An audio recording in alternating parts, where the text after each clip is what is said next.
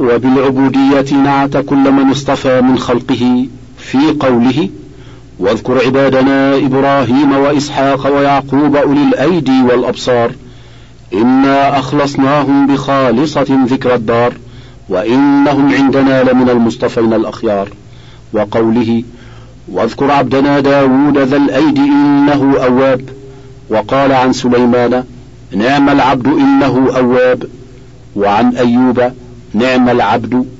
وقال عنه واذكر عبدنا أيوب إذ نادى ربه. وقال عن نوح عليه السلام ذرية من حملنا مع نوح إنه كان عبدا شكورا. ذرية من حملنا مع نوح إنه كان عبدا شكورا. وقال عن خاتم رسله سبحان الذي أسرى بعبده ليلا من المسجد الحرام إلى المسجد الأقصى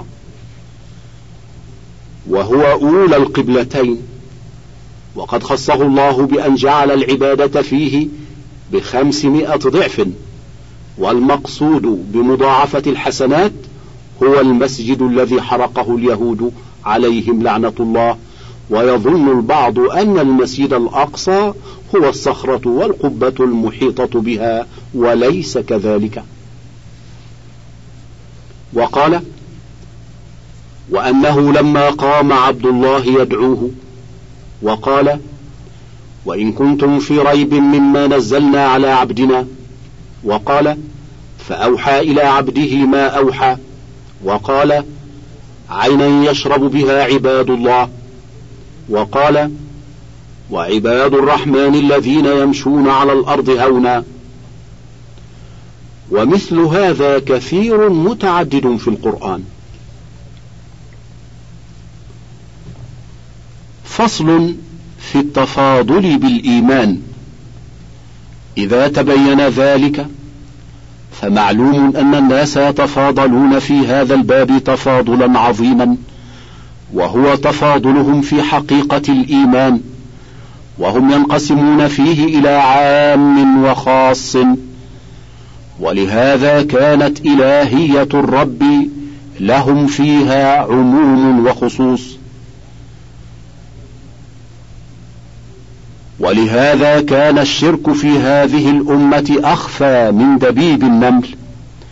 وفي الصحيح عن النبي صلى الله عليه وسلم أنه قال تعس عبد الدرهم تعس عبد الدينار تعس عبد القطيفة تعس عبد الخميصة تعس وانتكس. وإذا شيك فلا انتقش إن أعطي رضي وإن منع سخط. فسماه النبي صلى الله عليه وسلم عبد الدرهم وعبد الدينار وعبد القطيفة وعبد الخميصة. وذكر ما فيه دعاء وخبرا وهو قوله تعس وانتكس وإذا شيك فلا انتقش والنقش إخراج الشوكة من الرجل والمنقاش ما يخرج به الشوكة. وهذه حال من إذا أصابه شر لم يخرج منه ولم يفلح لكونه تعس وانتكس. فلا نال المطلوب ولا خلص من المكروه. وهذه حال من عبد المال. وقد وصف ذلك بأنه إذا أعطي رضي وإذا منع سخط. كما قال تعالى ومنهم من يلمزك في الصدقات فإن أعطوا منها رضوا وإن لم يعطوا منها إذا هم يسخطون. فرضاهم لغير الله. وسخطهم لغير الله. وهكذا حال من كان متعلقا برئاسة أو بصورة ونحو ذلك من أهواء نفسه. إن حصل له رضي وإن لم يحصل له سخط. فهذا عبد ما يهواه من ذلك وهو رقيق له. إذ الرق والعبودية في الحقيقة هو رق القلب وعبوديته. فما استرق القلب واستعبده فالقلب عبده. ولهذا يقال العبد حر ما قنع والحر عبد ما طمع. وقال القائل أطعت مطامعي فاستعبدتني ولو أني قنعت لكنت حرا. ويقال الطمع غل في العنق. وقيد في الرجل فإذا زال الغل من العنق زال القيد من الرجل. ويروى عن عمر بن الخطاب رضي الله عنه أنه قال الطمع فقر واليأس غنى وإن أحدكم إذا يأس من شيء استغنى عنه. وهذا أمر يجده الإنسان من نفسه فإن الأمر الذي ييأس منه لا يطلبه ولا يطمع فيه. ولا يبقى قلبه فقيرا إليه ولا إلى من يفعله. وأما إذا طمع في أمر من الأمور ورجاه فإن قلبه يتعلق به فيصير فقيرا إلى حصوله وإلى من يظن أنه سبب في حصوله. وهذا في المال والجاه والصور وغير ذلك. قال الخليل صلى الله عليه وسلم فابتغوا عند الله الرزق واعبدوه واشكروا له إليه ترجعون. فالعبد لا بد له من رزق وهو محتاج إلى ذلك. فإذا طلب رزقه من الله صار عبدا لله فقيرا إليه. وإذا طلبه من مخلوق صار عبدا لذلك المخلوق فقيرا إليه. ولهذا كانت مسألة المخلوق محرمة في الأصل. وإنما أبيحت للضرورة. مسألة المخلوق يعني سؤاله. ولهذا كانت مسألة المخلوق محرمة في الأصل وإنما أبيحت للضرورة. وفي النهي عنها أحاديث كثيرة في الصحاح والسنن والمسانيد كقوله صلى الله عليه وسلم لا تزال المسألة بأحدكم حتى يأتي يوم القيامة وليس في وجهه مزعة من لحم. وقال من سأل الناس وله ما يغنيه جاءت مسألته يوم القيامة خدوشا أو خموشا أو كدوشا في وجهه. وقوله لا تحل المسألة إلا لذي غرم مفضع أو دم موجع أو فقر مدقع وهذا المعنى في الصحيح. وفيه أيضا لأن يأخذ أحدكم حبله فيذهب فيحتطب خير له من أن يسأل الناس أعطوه أو منعوه. وقال ما أتاك من هذا المال وأنت غير سائل ولا مستشرف فخذه وما لا فلا تتبعه نفسك. فكره أخذه مع سؤال اللسان واستشراف القلب. وقال في الحديث الصحيح من يستغني يغنيه الله ومن يستعف يعفه الله. ومن يتصبر يصبره الله. وما أعطي أحد عطاء خيرا وأوسع من الصبر. وأوصى خواص أصحابه ألا يسألوا الناس شيئا. وفي المسند إن أبا بكر كان يسقط الصوت من يده فلا يقول لأحد ناولني إياه ويقول إن خليلي أمرني ألا أسأل الناس شيئا. وفي صحيح مسلم وغيره عن عوف بن مالك أن النبي صلى الله عليه وسلم بايعه في طائفة وأصر إليهم كلمة خفية ألا تسألوا الناس شيئا. فكان بعض أولئك النفر يسقط الصوت من يد أحدهم ولا يقول لأحد ناولني إياه. وقد دلت النصوص على الأمر بمسألة الخالق والنهي عن مسألة المخلوق في غير موضع. كقوله تعالى فإذا فرغت فانصب وإلى ربك فارغب وقول النبي صلى الله عليه وسلم لابن عباس إذا سألت فاسأل الله وإذا استعنت فاستعن بالله ومنه قول الخليل فابتغوا عند الله الرزق ولم يقل فابتغوا الرزق عند الله لأن تقديم الظرف يشعر بالاختصاص والحصر. كأنه قال لا تبتغوا الرزق إلا عند الله. وقد قال تعالى واسألوا الله من فضله. والإنسان لا بد له من حصول ما يحتاج إليه من الرزق ونحوه ودفع ما يضره. وكلا الأمرين شرع له أن يكون دعاؤه لله فلا يسأل رزقه إلا من الله. ولا يشتكي إلا إليه كما قال يعقوب عليه السلام إنما أشكو بثي وحزني إلى الله. والله تعالى ذكر في القرآن الهجر الجميل والصفح الجميل والصبر الجميل وقد قيل إن الهجر الجميل هو هجر بلا أذى والصفح الجميل صفح بلا معاتبة والصبر الجميل صبر بغير شكوى إلى المخلوق. ولهذا قرئ على أحمد بن حنبل في مرضه أن طاووسا كان يكره أنين المريض ويقول إنه شكوى فما أن أحمد حتى مات. وأما الشكوى إلى الخالق فلا تنافي الصبر الجميل فإن يعقوب قال فصبر جميل وقال إنما أشكو بثي وحزني إلى الله. وكان عمر بن الخطاب رضي الله عنه يقرأ في الفجر بسورة يونس ويوسف والنحل فمر بهذه الآية في قراءته فبكى حتى سمع نشيجه من آخر الصفوف ومن دعاء موسى اللهم لك الحمد وإليك المشتكى وأنت المستعان وبك المستغاث وعليك التكلان ولا حول ولا قوة إلا بك. وفي الدعاء الذي دعا به النبي صلى الله عليه وسلم لما فعل به أهل الطائف ما فعلوا اللهم إليك أشكو ضعف قوتي وقلة حيلتي وهواني على الناس يا أرحم الراحمين. أنت رب المستضعفين وأنت ربي.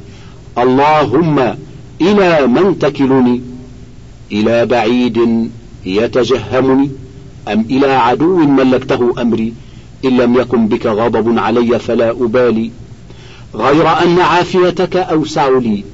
أعوذ بنور وجهك الذي أشرقت به الظلمات. وصلح عليه أمر الدنيا والآخرة. أن ينزل بي سخطك أو يحل علي غضبك. لك العتبى حتى ترضى. ولا حول ولا قوة إلا بالله. وفي بعض الروايات ولا حول ولا قوة إلا بك. وكلما قوي طمع العبد في فضل الله ورحمته لقضاء حاجته ودفع ضرورته قويت عبوديته له وحريته مما سواه. فكما أن طمعه في المخلوق يوجب عبوديته له فيأسه منه يوجب غنى قلبه عنه. كما قيل استغن عن من شئت تكن نظيره وأفضل على من شئت تكن أميرة واحتج إلى من شئت تكن أسيرة فكذلك طمع العبد في ربه ورجاؤه له يوجب عبوديته له. وإعراض قلبه عن الطلب من الله والرجاء له يوجب انصراف قلبه عن العبودية لله.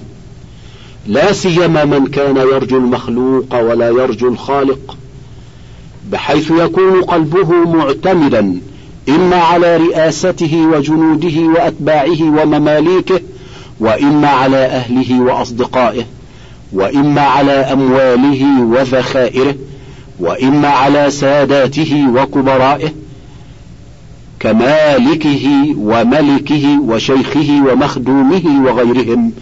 ممن هو قد مات أو يموت. قال تعالى وتوكل على الحي الذي لا يموت وسبح بحمده وكفى به بذنوب عباده خبيرا. وكل من علق قلبه بالمخلوقين أن ينصروه أو يرزقوه أو أن يهدوه خضع قلبه لهم وصار فيه من العبودية لهم بقدر ذلك. وإن كان في الظاهر أميرا لهم مدبرا لأمورهم متصرفا بهم. فالعاقل ينظر إلى الحقائق لا إلى الظواهر. فالرجل إذا تعلق قلبه بامرأة ولو كانت مباحة له يبقى قلبه أسيرا لها. تحكم فيه وتتصرف بما تريد وهو في الظاهر سيدها لأنه زوجها أو مالكها. ولكنه في الحقيقة هو أسيرها ومملوكها. ولا سيما إذا علمت بفقره إليها وعشقه لها وأنه لا يعتاض عنها بغيرها فإنها حينئذ تتحكم فيه تحكم السيد القاهر الظالم في عبده المقهور الذي لا يستطيع الخلاص منه بل أعظم فإن أسر القلب أعظم من أسر البدن واستعباد القلب أعظم من استعباد البدن فإن من استعبد بدنه واسترق وأسر لا يبالي إذا كان قلبه مستريحا من ذلك مطمئنا بل يمكنه الاحتيال في الخلاص. وأما إذا كان القلب الذي هو ملك الجسم رقيقا مستعبدا متيما لغير الله فهذا هو الذل والأسر المحض والعبودية الذليلة لما استعبد القلب. وعبودية القلب وأسره هي التي يترتب عليها الثواب والعقاب فإن المسلم لو أسره كافر أو استرقه فاجر بغير حق لم يضره ذلك إذا كان قائما بما يقدر عليه من الواجبات. ومن استعبد بحق إذا أدى حق الله وحق مواليه فله أجران. ولو أكره على التكلم بالكفر فتكلم به وقلبه مطمئن بالإيمان لم يضره ذلك. وأما من استعبد قلبه فصار عبدا لغير الله فهذا يضره ذلك ولو كان في الظاهر ملك الناس.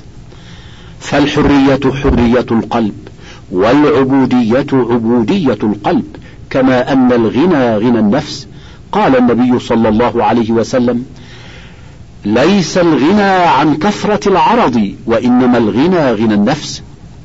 وهذا لعمر الله إذا كان قد استعبد قلبه صورة مباحة فأما من استعبد قلبه صورة محرمة امرأة أو صبي فهذا هو العذاب الذي لا يدانيه عذاب.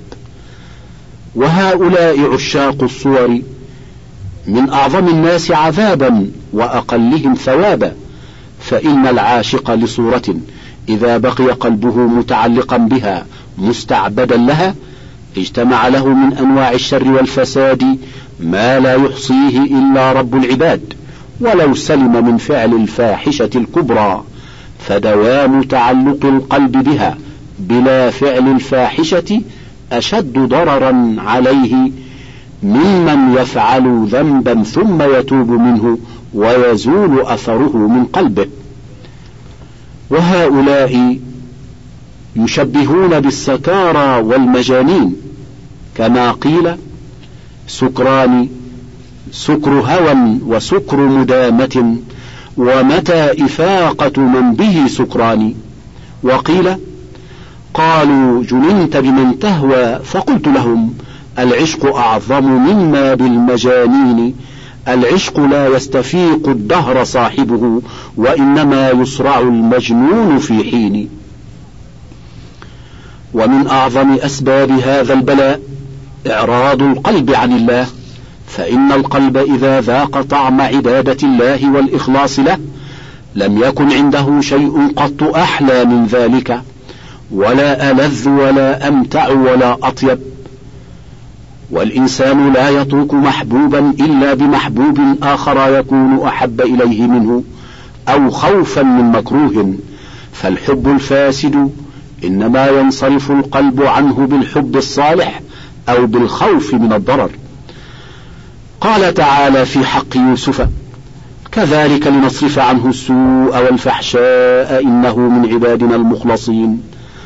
فالله يصرف عن عبده ما يسوءه من الميل إلى الصور والتعلق بها ويصرف عنه الفحشاء بإخلاصه لله. ولهذا يكون قبل أن يذوق حلاوة العبودية لله والإخلاص له بحيث تغلبه نفسه على اتباع هواها. فإذا ذاق طعم الإخلاص وقوي في قلبه انقهر له هواه بلا علاج. قال تعالى إن الصلاة تنهى عن الفحشاء والمنكر ولذكر الله أكبر. فإن الصلاة فيها دفع مكروه وهو الفحشاء والمنكر وفيها تحصيل محبوب وهو ذكر الله وحصول هذا المحبوب أكبر من دفع ذلك المكروه. فإن ذكر الله عبادة لله وعبادة القلب لله مقصودة لذاتها. وأما اندفاع الشر عنه فهو مقصود لغيره على سبيل التبع. والقلب خلق يحب الحق ويريده ويطلبه فلما عرضت له إرادة الشر طلب دفع ذلك فإنها تفسد القلب كما يفسد الزرع بما ينبت فيه من الدغل. ولهذا قال تعالى قد أفلح من زكاها وقد خاب من دساها. وقال تعالى قد أفلح من تزكى وذكر اسم ربه فصلى. وقال قل للمؤمنين يغضوا من أبصارهم ويحفظوا فروجهم ذلك أزكى لهم. وقال تعالى ولولا فضل الله عليكم ورحمته ما زكى منكم من أحد أبدا. فجعل سبحانه غض البصر وحفظ الفرج هو أقوى تزكية للنفس.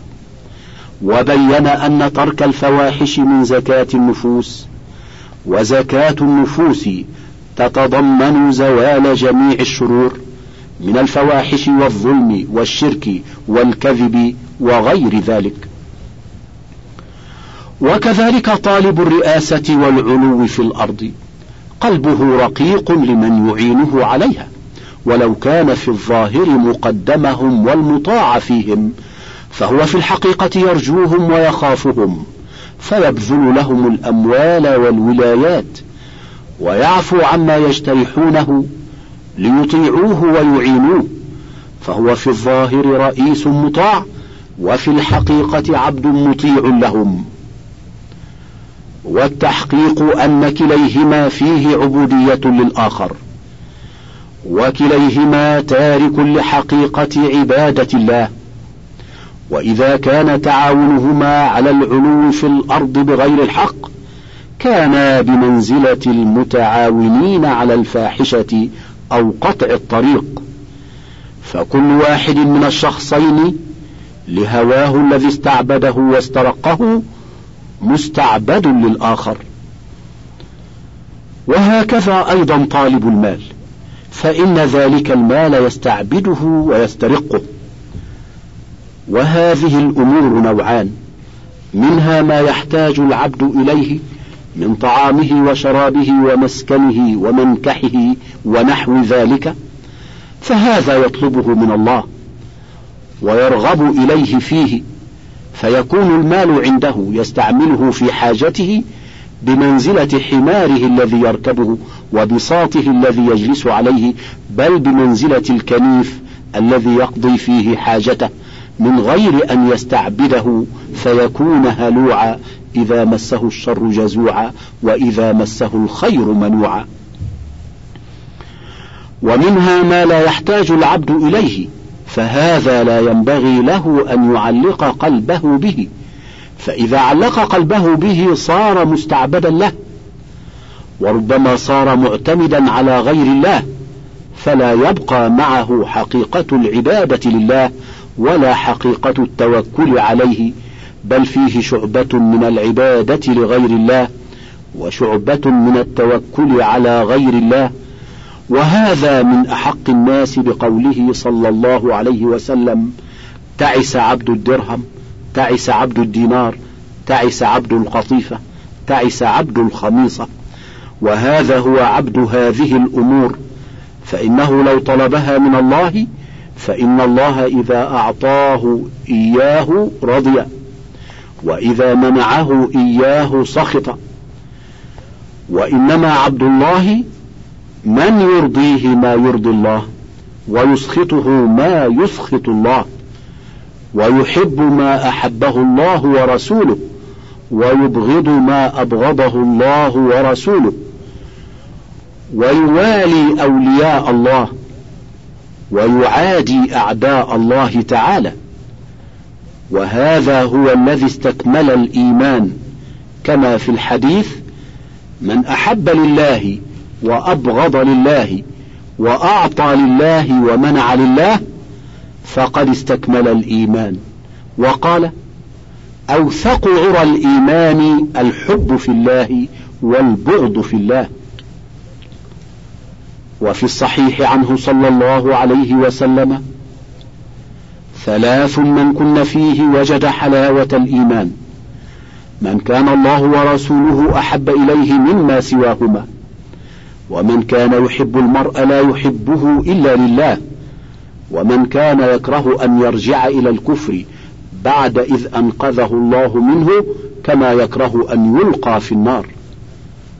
فهذا وافق ربه فيما يحبه وما يكرهه فكان الله ورسوله أحب إليه مما سواهما. وأحب المخلوق لله لا لغرض آخر. فكان هذا من تمام حبه لله. فإن محبة محبوب المحبوب من تمام محبة المحبوب. فإذا أحب أنبياء الله وأولياء الله لأجل قيامهم بمحبوبات الحق لا لشيء آخر فقد أحبهم لله لا لغيره.